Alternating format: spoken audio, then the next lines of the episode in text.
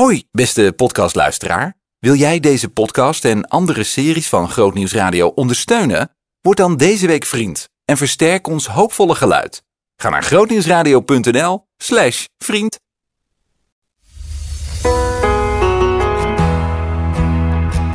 Lieve mensen, ik ben geen fan van boodschappen doen. Laat mij maar stofzuigen of zo. In een winkel loop ik altijd eindeloos te zoeken naar de producten en uiteindelijk kies ik altijd de verkeerde kassa. Ik moet dan langer wachten dan me lief is. Een gebrek aan geduld. Geduld. We hebben er allemaal mee te maken. In de wachtkamer, in de file. Je hebt een flinke dosis geduld nodig bij het opvoeden van kinderen, bij het samenwerken met collega's die hun afspraken niet nakomen en ga zo maar door. Je hebt ook geduld met jezelf nodig. Je kunt jezelf tegenvallen. Ik proef bij mezelf veel ongeduld. En hé, hey, onze maatschappij wordt gekenmerkt door veel mensen met een kort lontje. Oké, in deze weken neem ik je mee in het Bijbelse spreken over de vrucht van de Heilige Geest. Eén vrucht, negen woorden. je voelt hem al aankomen. Een van die negen woorden is het woord geduld. En het goede nieuws?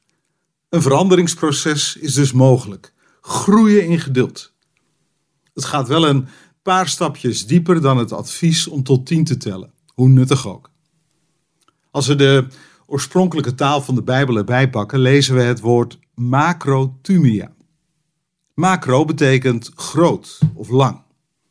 En tumia heeft te maken met animo, met fut, met adem. Geduld heeft dus alles te maken met een lange adem hebben. In oudere Bijbelvertalingen wordt het woord langmoedigheid gebruikt om dit woord te vertalen. De moed om het lang uit te houden. De moed om iemand lang te verdragen. En weet je, dit woord wordt allereerst op God betrokken in de Bijbel. Op allerlei plaatsen in de Bijbel lezen we dat God geduldig is, langmoedig. Psalm 103 jubelt bijvoorbeeld over God en gebruikt een aaneenschakeling van woorden die je vaker in het eerste deel van de Bijbel leest. God is liefdevol, genadig, geduldig en trouw. Dat is Gods karakter. Zo is Hij. En geduld is dus een van de kenmerken van God. Laat ik dat op twee manieren nog scherper neerzetten. Allereerst, God heeft een lange adem. Anders gezegd, hij stelt zijn oordeel uit. Als je door de Bijbel bladert, merk je dat we als mensen de plan kunnen misslaan. En dan zien we God met geduld reageren. Dat betekent niet dat je van God een twijfelaar moet maken. Er zijn ook momenten waarop hij zegt: En nu is het klaar. Maar voordat dat punt bereikt is, is vooral zijn geduld leidend. Een voorbeeld. Als in het Bijbelboek Jona de inwoners van Nineveh tot inkeer komen, hoor je Jona zeggen: Ik wist het wel.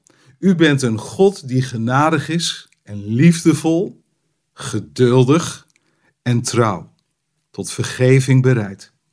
Dat brengt me overigens gelijk bij het tweede punt dat ik je wil meegeven om verder over na te denken. God stelt niet alleen zijn oordeel uit, hij geeft ook ruimte voor een herkansing. God is altijd een God van nieuwe kansen. Hij schrijft je niet af als je weer de fout bent ingegaan. Zijn geduld is per definitie een uitnodiging om op te staan, om een nieuwe kans te pakken. Je mag verder gaan in het licht van zijn vergeving. Er is altijd een nieuwe kans. Hoe bijzonder is dat?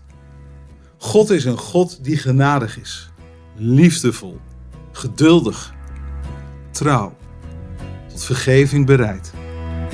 Alle reden om je leven in Zijn hand te leggen.